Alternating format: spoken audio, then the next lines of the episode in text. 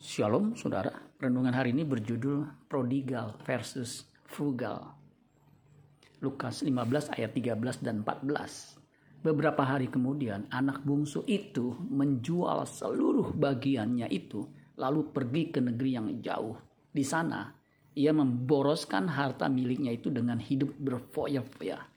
Setelah dihabiskannya semuanya, timbullah bencana kelaparan di dalam negeri itu dan ia pun mulai melarat.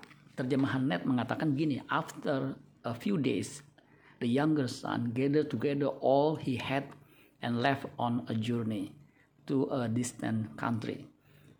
And there he squandered his wealth with a wild lifestyle. Then after he had spent everything, a severe famine took place in that country, and he began to be in need. Perumpamaan tentang anak bungsu ini sangat menarik karena banyak sisi yang bisa dibahas dan menjadi pelajaran yang berharga. Itulah sebabnya perikop ini diberi beberapa judul.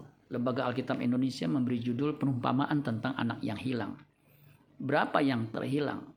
Sebenarnya yang terhilang bukan hanya si bungsu tapi juga si sulung. Terhilang dalam rumah bapaknya. Maka ada yang memberi judul dua saudara anak yang hilang, Two Brothers Lost Son. New English Translation memberi judul The Parable of Compassionate Father, perumpamaan tentang Bapak yang penuh belas kasihan. Judul-judul lain yang mirip sebagai berikut. Bapak yang mengasihi, Loving Father. Bapak yang rindu, Lovesick Father. Atau Bapak yang mengampuni, Forgiving Father. Ada satu lagi, satu lain lagi memberi judul perumpamaan anak yang berfoya-foya parable of the prodigal son. Anak bungsu ini disebut prodigal son, anak yang suka berfoya-foya, suka menghambur-hamburkan warisan ayahnya. Pertama, ia cepat-cepat segera menjual warisan yang didapatnya. Menjual warisan dengan tergesa-gesa akan mendapat hasil yang sedikit. Ini saja sudah sebuah pemborosan. Belum lagi uang hasil penjualannya digunakan untuk hal-hal yang sangat konsumtif maka tidak heran ia segera melarat karena habis uangnya. Ia jatuh miskin dan melarat hingga kelaparan hampir mati. Beruntunglah ia sadar dan mau kembali ke rumah bapaknya sehingga ia dipulihkan.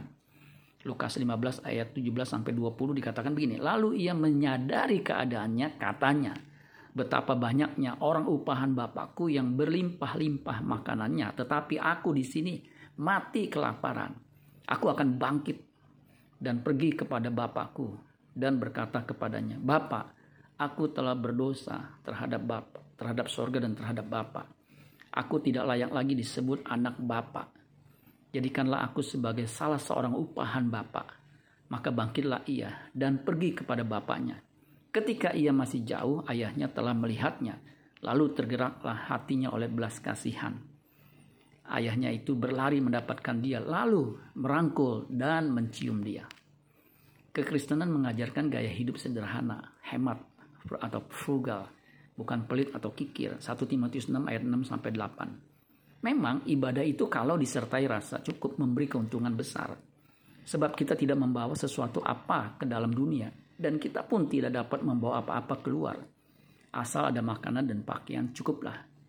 Kristus mengajarkan kepada orang yang mau mengikutinya untuk hidup sederhana seperti dirinya Lukas 9 ayat 57 dan 58. Ketika Yesus dan murid-muridnya melanjutkan perjalanan mereka, berkatalah seorang di tengah jalan kepada Yesus, Aku akan mengikut engkau ke mana saja engkau pergi.